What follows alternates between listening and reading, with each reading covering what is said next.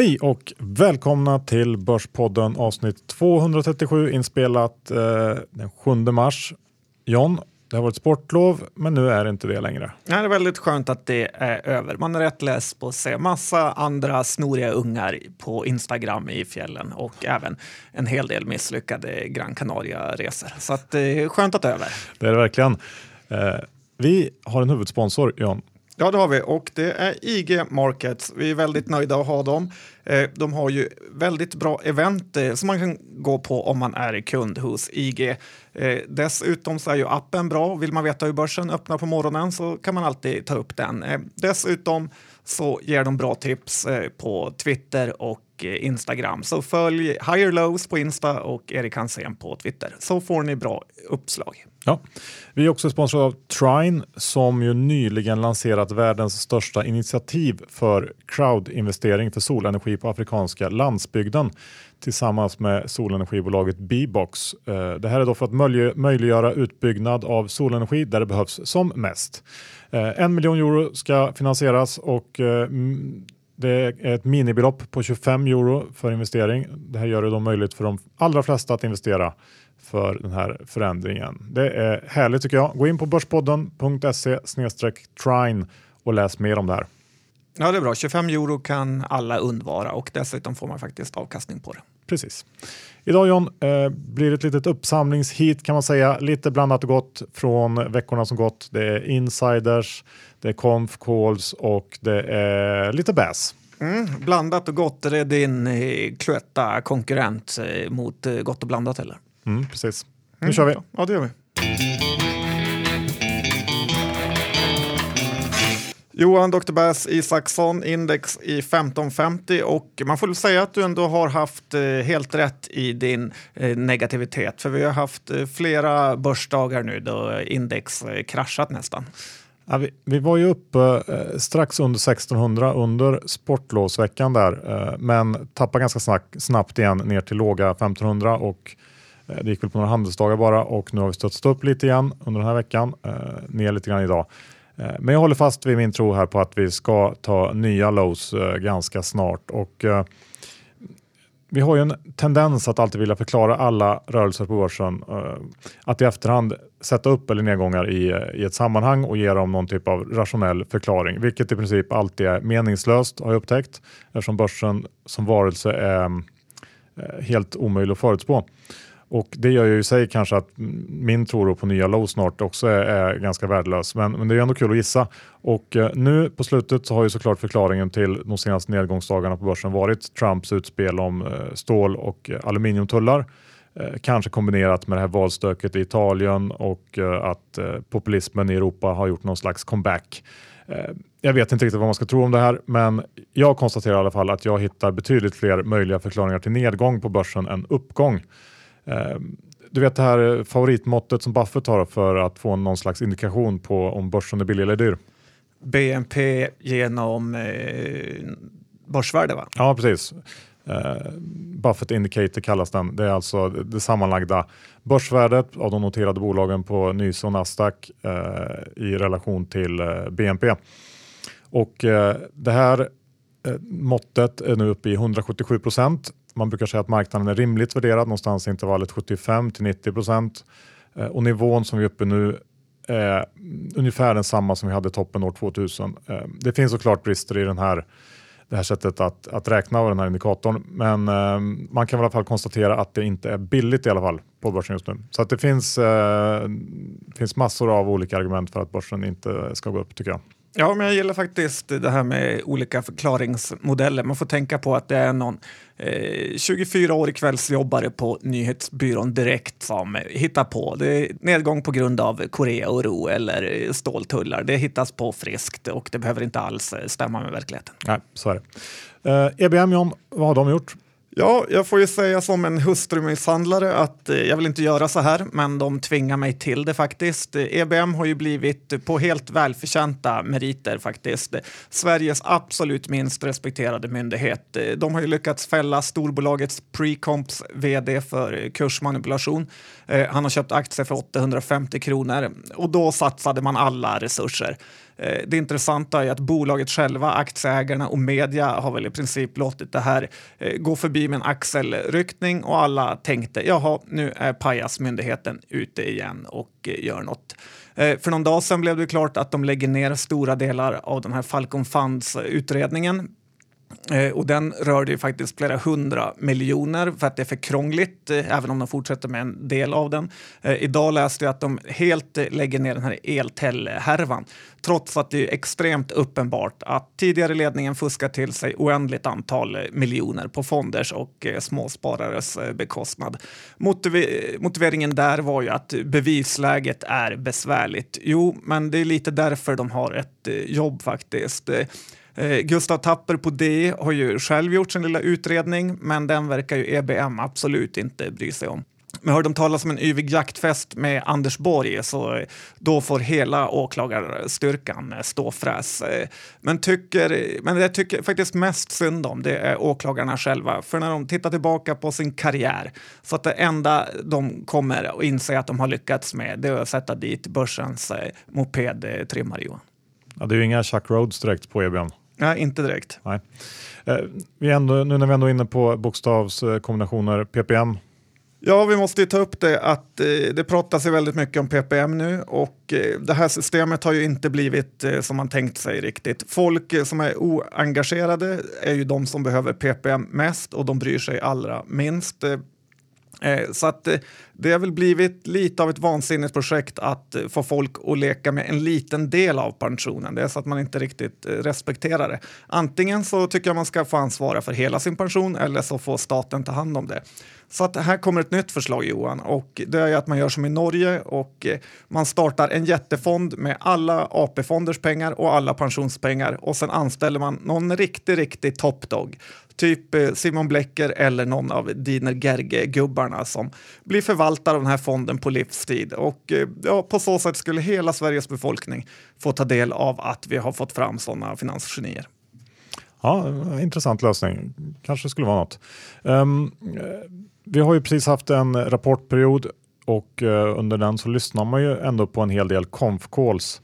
Um, vad tycker du om det egentligen? Ja, både du och jag har lyssnat på en hel del och Eh, Eh, man måste ju säga att kvaliteten på de här vd-presentationerna är ju fruktansvärt låg. Värst är nog den bolag som bara har svenska aktieägare, eh, till exempel de på midcap eh, och nedåt. Men de envisas ändå med att hålla hela konfan på jätteknackig engelska. Och vad är det då de gör? Jo, ofta går de bara igenom rapporten från början till slut och då känns det ju helt meningslöst. Det kan man ju läsa redan när rapporten släpps, så att det behöver de inte berätta för en. Eh, det man vill höra är ju lite mjuka värden som inte står i rapporten för att kunna förstå bolaget eh, bättre. Så är det. Ja, men jag håller helt med. Den här inledande kvarten eller 20 minuterna när de läser rapporten är faktiskt helt meningslös. Det är, det är någon slags, eh, jag tror det ligger kvar av gammal hävd bara att man ska göra så, men det borde man ju bryta. Ja, förnya sig heter det. Ja, precis. Jag har också lite call grejer, men jag kommer till det snart. För Jag tänkte att vi skulle börja med att prata om det här med insiders. Ehm, det har varit ett ganska hett ämne på sista tiden. Ehm, bolaget som har diskuterats flitigast på Twitter när det gäller det här är ju Sinober såklart. Senaste halvåret har det fullkomligt regnat insiderförsäljningar från Sinober samtidigt som de som gillar det här caset pekat på den vinstexplosion som ska komma 2018. Sista ordet kanske inte sagt här, men efter rapporten får man nog säga att det står 1-0 till de insiders som har sålt. Marknaden blev helt tagen på sängen av höga kostnader och eh, relativt dålig tillväxt. Och eh, Sinobers då efterföljande konfkål går nog till historien som det värsta någonsin. Intresset här var stort. Eh, det var över 200 inloggade deltagare. Eh, jag var en av dem. Men problemet var att alla hörde alla samtidigt. Vilket inte funkar så där jättebra när hälften eh, av deltagarna var tradingdjur som skrek och skrattade om vartannat och den andra hälften var arga ägare som ville ha förklaringar. Um, det tog en ganska lång stund innan den här konfen kom igång men min uppfattning från den, den är att, att marknaden har gått alldeles för snabbt fram när det gäller Snowber och att um, det kan nog bli bra till slut här men jag tror att börsen ligger minst ett år för tidigt. Känslan är att 2018 som uh, man då tidigare pratat om som skördår snarare blir något slags mellanår. Uh, ja. Men uh, fantastisk konfkoll. Ja, det är hyfsat pinsamt när folk eh, skriker Kavastu gång på gång in i konfan. Eh, en annan grej jag tänker på, eh, Sinober, är ju det här med att man känner sig sviken av bolaget och det brukar ju vara lite av en losermentalitet om man oftast själv är den som är skylla för att man har gjort en dålig investering. Bolaget är vad det är och om du har blivit sviken eller inte, det spelar ingen roll. Det är du som är ansvarig för din portfölj. Absolut. Eh, ett annat bolag där insiders har varit aktiva är Microsystemation, MSAB i folkmun. Eh, det är vd eh, Joel Bolle och styrelseledamoten Örjan Gatto som sålt aktier för nära 40 miljoner tillsammans.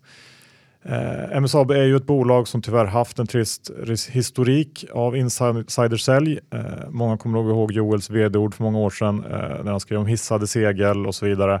Eh, en, en rapport som han då sålde rakt in i och eh, utvecklingen sen var ganska trist under en lång period för bolaget därefter. Nu säljer man alltså igen och det som oroar mig mest är väl kanske storleken på försäljningen, framförallt av Örjan som eh, i alla fall när jag följde bolaget nära ansågs vara hjärnan bakom de här produkterna.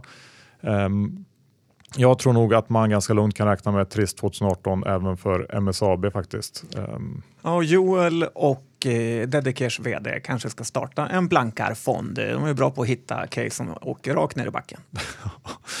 John, eh, ska vi avsluta första delen med eh, tre vdar som borde kickas? Ja, men faktiskt. Eh, för man pratar ju mycket om långsiktighet och hur bra det ska vara. Men jag undrar om det egentligen är så bra. Att låta en dålig vd sitta kvar länge är kanske det sämsta man kan göra.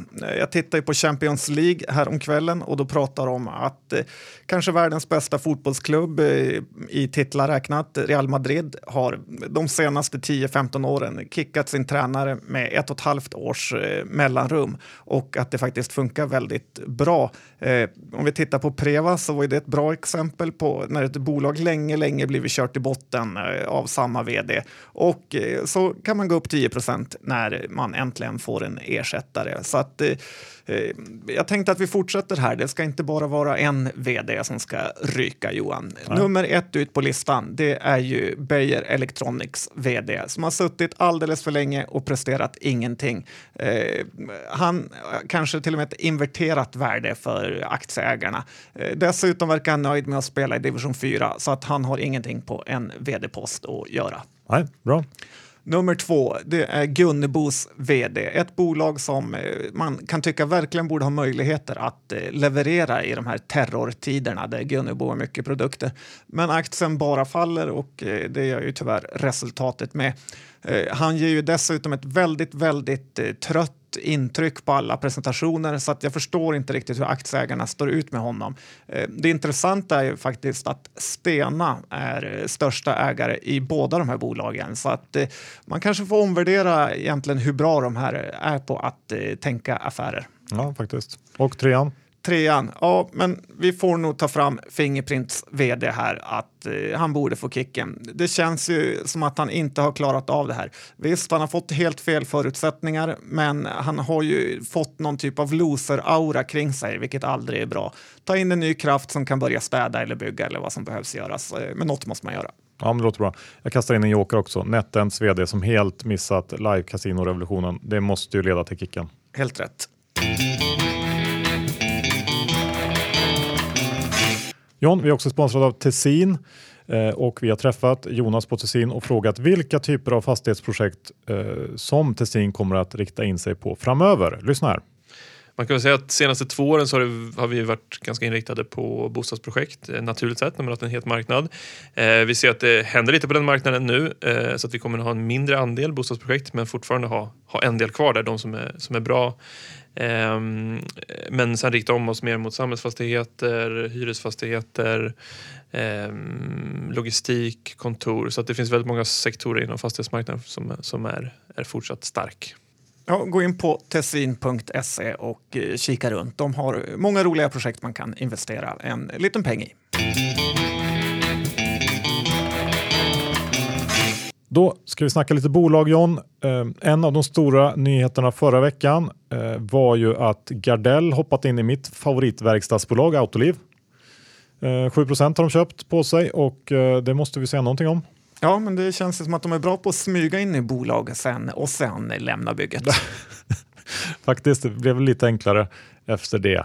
Eh, uppdelningen av Autoliv är väl kanske en, en tydlig anledning för dem att hoppa in. Eh, man får en stabil eh, kassaflödesgenererande del och en lite mer spännande del som potentiellt sett skulle kunna generera ganska stora värden längre fram. Men eh, jag tror inte att man ska dra för stora växlar av det här inhoppet av Sevian eller förvänta sig några större förändringar nu på kort sikt.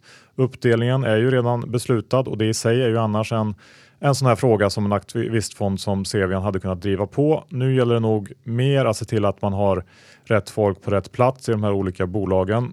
I den passiva säkerhetsdelen känns det som att eh, det handlar om att de ska fortsätta behålla de här starka positionerna man har på marknaden och eh, jobba på med att effektivisera ytterligare och krama ut högre marginaler medan det i den här nya delen handlar om att ligga långt fram eller kanske längst fram i teknikutvecklingen och se till att tillväxten verkligen tar fart. Aktien har ju gått väldigt bra sen i somras. Eh, bäst inom verkstad kanske och eh, jag vet inte riktigt om det finns så mycket mer kräm på kort sikt. Men inför en sån här utdelning brukar det ju vara bra att ligga kvar så att det är väl det man ska göra antar jag. Ja, om det inte är Getinge vi pratar om. Ja, det är sant. Eh, men ändå, kul att det händer grejer och eh, Gardells eh, pengar brinner i fickan får man ju säga. Ja, det är något underligt med hela fordonsbranschvärderingen som vi har pratat om många gånger. Hur underleverantörerna verkligen värderas så mycket högre. Men så är det och det är bara att acceptera. Ja. Thule kanske kan vara läge att titta på nu när det har varit sportlov? Ja, men det kan vi väl säga. Det är ju så att det har ju pratats lite tyst om det här framförallt från bolaget, men det har ju varit en stöldturné av eh, Thules takboxar i fjällen. Eh, och framförallt det som är i takboxen. Och det är ju så att eh, det finns ju bara fem olika nycklar till de här eh, boxarna och alla går att beställa som reservdelar. Eh, så är man en tjuv eller vill bli en tjuv så räcker det med att ha de här olika nycklarna och sen kan man ta precis vad man vill från Thules takboxar och eh, tacka kundtjänsten för deras trevliga bemötande. Ja, det låter ju, är, det, är det ett kvalitetsbolag om man kan göra så? Ja, P20. Ja. ja, det får de väl eh, tänka till lite kring. Känns ju inte jättebra. Eh, Sportamor är ju ett eh, av de mindre bolagen som har rapporterat på slutet. Eh, det var ingen höjdare. Nej, det var det inte och jag kan väl tycka att vi pratar lite för lite sport-retail i Börspodden ibland. Men det är dags att ta upp det nu.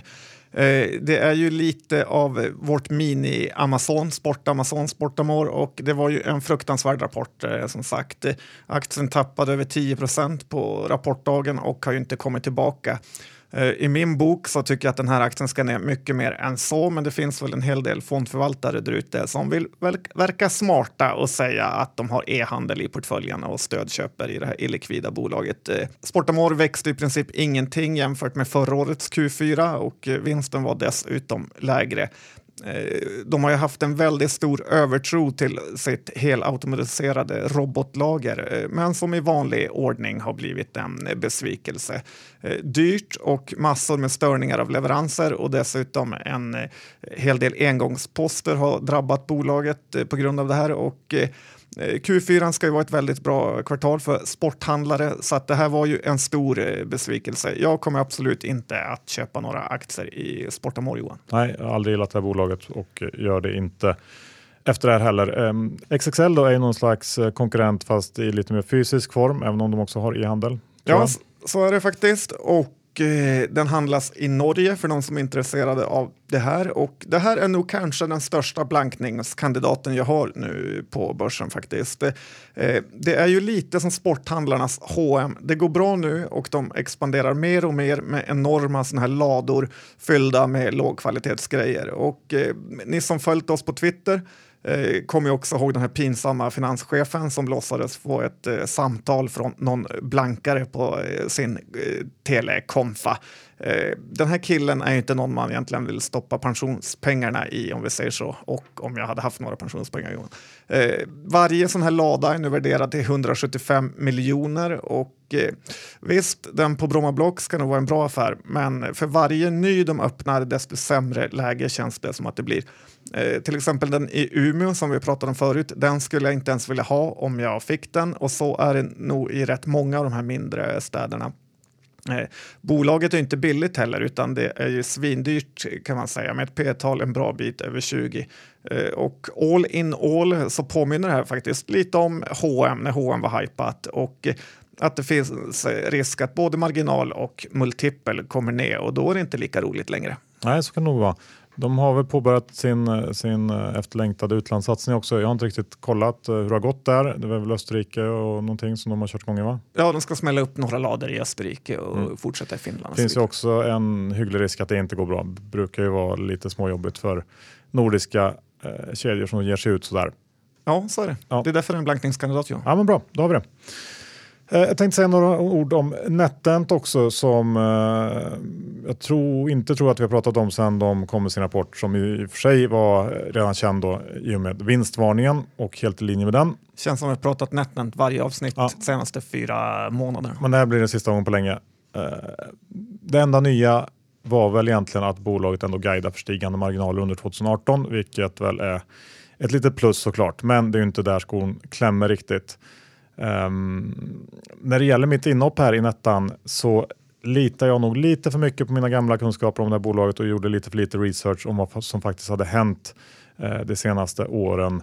Eh, Nettan hade fram till eh, 2017 legat kring 20-30 i tillväxt varje år mm, och det tog ju då som alla vet slut på ett abrupt sätt under året som gick. Eh, jag tog inte så allvarligt på det. Eh, aktien var ju ner ganska mycket också och eh, tyckte att om de levererar 10-15% i tillväxt så var det tillräckligt för att motivera värderingen. Eh, Q4 där låg man då på bara 5 och eh, det är ju inte bra helt enkelt. Det finns ett antal anledningar till det här. Eh, för det första så har hela marknaden för kasinospel mognat. De växer inte lika snabbt längre helt enkelt. Dessutom så har ju konkurrensen från, från mindre uppstäckare ökat och live-casino har ju växt fram som eh, någon slags utmanare som tar kunder och omsättning från de lite mer traditionella slottarna som eh, NetEnt då framförallt är stora inom. Och allt det här är väl egentligen en ganska naturlig utveckling och inget som är omöjligt slash hade varit omöjligt för NetEnt att parera. Men tyvärr så har de varit alldeles för dåliga på att fånga upp live-casino-trenden. Eh, och som jag var inne på tidigare här så måste jag nog säga att jag undrar om nuvarande vd verkligen är rätt man för det här jobbet. Känns mer som en förvaltare än någon som driver det här eh, framåt. Eh, och förtroendet fick, fick också en rejäl törn efter att han eh, ja, var ute och snackade om hur bra Q4 var några veckor innan vinstvarningen. Men jag tycker också det är ganska konstigt att styrelsen inte sett det här tidigare. Den är ju ändå fylld av folk som eh, liksom jobbat inom kasinobranschen sedan barnsben. Eh, och det är märkligt helt enkelt, hela, hela missen här. Eh, jag upptäckte också att NetEnt har fått ett riktigt dåligt rykte bland spelarna det senaste året när jag surfar runt på nätet bland kasinoforum. Det här är alltså forum där folk som spelar de här spelen sitter och skriver till varandra. mycket märkligt egentligen. Men Bara vinnare där. ja, så kan man säga. Men den samlade bedömningen bland de här entusiasterna, som jag väljer att kalla dem, är att NetEnts spel inte längre är lika bra och roliga som förr. Eh, att de numera bara vill tjäna så mycket pengar som möjligt. Ehm, Check. Vilket nog gällde även tidigare, men nu har även spelarna förstått det. Eh, och att spelen de släpper bara är remakes på gamla spel och så vidare. En del hade lite mer eh, konspiratoriska åsikter och menar eh, att de inte vann lika ofta längre. Det, det är väldigt tveksamt till att det stämmer, men det är inget bra rykte att få som spelleverantör. Och NetEnts smeknamn eh, som verkligen alla eh, använder på de här forumen kanske sammanfattar bilden bäst och det var ju NotEnt. Mm, det är inte så bra. Nej, det är inte alls bra. Och ja, jag har tagit till mig av den här nya informationen. De senaste åren så har jag haft en tendens att hamna i en viss typ av case. Eh, alla med olika typer av turnaround-karaktär kan man säga. Och det är ju helt enkelt inte en bra strategi, men eh, tyvärr har jag lätt att hamna där när allting känns för dyrt. Nettan är på många sätt också ett sånt case eh, och det kombinerat med utvecklingen på slutet har gjort att jag eh, ja, valde att ta en rejäl förlust och sälja de här aktierna i NotEnt.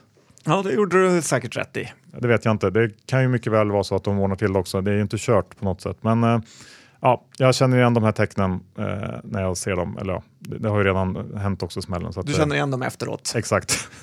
jag får försöka hitta dem innan i fortsättningen. Kopparbergs John, har rapporterat. Ja, Peter Bromstrand har inte rosat marknaden sista tiden och det börjar kännas att Kopparbergs gnäll på pundet eh, känns lite pinsamt för eh, problemen sitter ju inte så hårt där tycker jag. Eh, tar man bort pundets försvagning så är tillväxten ändå bara 3 procent. Eh, man kanske ändå får börja att inse att Kopparbergs cider faktiskt bara är den brittiska white trash-dryck eh, som man trodde att den var från början. Eh, det är ju väl, den är väldigt, väldigt eh, söt och eh, det känns som att eh, konkurrenterna som till exempel Briska eller Recordeli är eh, val som går hem hos den lite mer vettiga publiken om man säger så. Medan Kopparbergs eh, kanske ses som en typ av alkoläsk man såg ju det att till och med när Finwire som bevakar börsen eh, köper eh, Recordeli till afterworken eh, hellre än Kopparbergs så måste man ju börja undra. Eh, och sen har jag sagt det förut, men det tåls att säga igen att Kopparbergs layout känns ju hopplöst eh, föråldrad. Eh, Tittar man på värderingen så är ju den numera inte så extremt hög som den kanske varit eh, tidigare. P-talet är just nu över 20, eh, inte mycket, 21 kanske. De har bra balansräkning och eh, gillar man Kopparberg så är det, det här betydligt bättre nivå att köpa nu än för två år sedan. Aktien är ju faktiskt på samma nivå som den var på hösten 2015. Mm, så är det. Uh, jag har lite för dålig koll på Kopparbergs för att uh, ha någon åsikt egentligen. Och det måste jag ju inte ha heller, vilket är skönt. Ja, man behöver inte köpa alla aktier. Nej. Inte blanka dem heller. Uh, ska vi säga någonting om uh, Sveriges svar på Valiant? Karo, Karo Bio, eller Karo Pharma som de heter det. Det var ju annars en fin eh, sång det där. Karo, Karo Bio. Eh, men förvärv, nyemission, känner du igen det? Ja. Lönner använder ju sina ful eller halvful pengar från Meda-uppköpet att eh, stärka sin makt i Karo. Eh, och det sägs väl ganska stort nu att eh, han försöker göra en Meda igen. Eh, Johan, kommer du ihåg den här gången när vi var på Teatergrillen med en av höjdarna från Avanza och bredvid oss satt Anders Lönner och en salesmäklare? Ja. Och innan lunchen så beställde han in en draja och vi kan väl säga att det inte var en fyra direkt. Sen när han ville ha vinlistan så tittade han så långt ner att den stackars ABG-mäklaren som var ute och förmodligen skulle betala det här kalaset var väldigt nära gråten. Eh, jag hade ju lust att trösta honom då och säga att om du får löner som stor kund så kommer chefen att eh, förlåta dig fort. Eh, men hur som helst, tittar man på det här så kommer nog bara förvärvskarusellen slash nyemissionsräden fortsätta så länge han vill stärka sin makt. Och det är ju så att så länge han håller på så här så har han ju inget incitament egentligen att få upp eh, aktiekursen när han är i någon typ av ackumuleringsfas. Eh, så att eh, han vill snarare få ner den. Så att det blir lite lurigt eh, som medinvesterare. Så eh, det är svårt att vara lång-lång i Karo utan där får man mer trada runt till vad som känns bäst känner jag. Ja, det är det verkligen så. Och sen får man väl väga den här tron då på, att, på, på Lönners förmåga att göra sig själv rik och, och då alltså Eh, alla andra aktieägare mot att det faktiskt eh, kan smälla också. För det är ju inte alls omöjligt att eh, det här bygget inte alls blir sådär jättekul. Nej, det finns möjligheter där också. ja, precis. Ett bygge som inte är så kul kanske är ju MyFC. Nej, det är verkligen inte kul och det var rätt länge sedan vi snackade om det här bolaget eh, och det här är ju en megascam enligt mig. Eh, och det är intressant att Handelsbanken eh, fonder fortsatt pumpa in pengar här. De kan ju förstöra sitt namn med den här urusla techinvesteringen. Jag förstår inte hur en liksom, utbildad fondförvaltare kan köpa in sig i MyFC i riktade nyemissioner. I den här senaste rapporten så pratar de om förseningar mot sin eh, stora kund som de skulle tjäna storkovan på och de har inte sålt för en enda krona utan de enda intäkterna som kommer är från att de aktiverar 200 000 i kostnader. Eh, bolaget går back 70 miljoner i år och de har en, 31 miljoner i kassan så snart är det tomt där igen. Eh, jag såg att det var 5 849 aktieägare på Avanza och eh, de här människorna måste ju älska att förlora pengar för det här kommer att sluta i misär fast eh, det är redan misär med tanke på hur kursen gått sista tiden. Ja. Jag håller helt med dig John. Eh, det har varit ganska mycket negativitet eh, den här eh, veckan, det här avsnittet känner jag. Kanske lite frustration, jag vet inte. Ja, mycket hat i kroppen. Ja, det är väl så. Så att det passar bra att avsluta med någonting som jag faktiskt gillar. Ja, det är, ja, det är inte jättevanligt, så det blir man ju glad att bara höra det. Och det är då Essity. Eh, det är nog eh, ett av mina toppix bland de större bolagen i Sverige och den här aktien har halkat ner igen efter rapporten. Den är under 230 kronor igen och inte alls långt ifrån lägsta nivåerna i höstas. Eh, marknaden är orolig för press från eh, högre råmaterialkostnader och tror inte riktigt på att eh, Essity kommer att klara av att kompensera för det här. Jag tror att man är lite för orolig för det här eh, och gissar att eh, effekterna från prishöjningarna ändå kommer att synas i rapporterna under andra halvåret. Dessutom så är det faktiskt så att bolaget är ju fokuserat på att öka lönsamheten genom effektivitetsförbättringar nu eh, i produktionen, vilket jag tycker glöms bort lite grann med det här fokuset på råvarupriser. Men de sista veckorna så har man jobbat på enligt den här linjen med omstruktureringar i både Chile och Italien Ehm, och man går helt enkelt eh, åt helt rätt håll här. Ehm, dessutom så är man ju då långsiktigt exponerad mot eh, en åldrande befolkning och ökad konsumtion på tillväxtmarknader, vilket jag gillar. Ehm, och om man dessutom börjar tvivla lite grann när det gäller konjunkturen så är ju det här betydligt mer stabil business. Ja, jag gillar det helt enkelt. Jag har inte köpt något själv för att eh, ja, jag tänker ändå att det kan bli lite billigare, men känner man att man ändå vill ha lite mer börsexponering än vad jag har så tycker jag att SVT ändå är ett bra val. Ja, jag är ju lite orolig för Magnus Groth, eh, vdn som har eh, förvandlat Studsvik till ett sånt bra bolag. Jag vet inte om det var hans förtjänst, men... Eh, jo, det var det ju. Ja.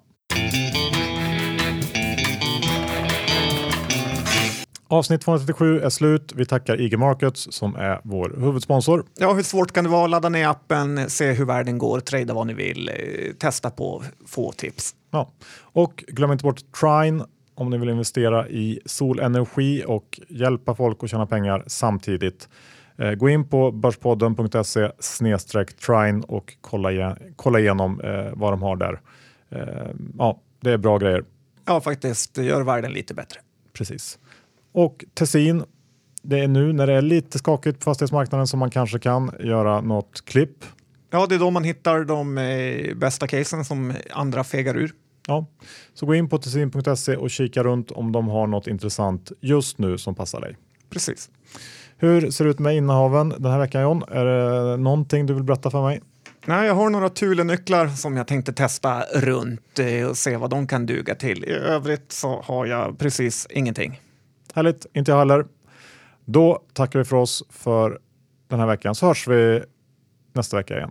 Hej då! Hej!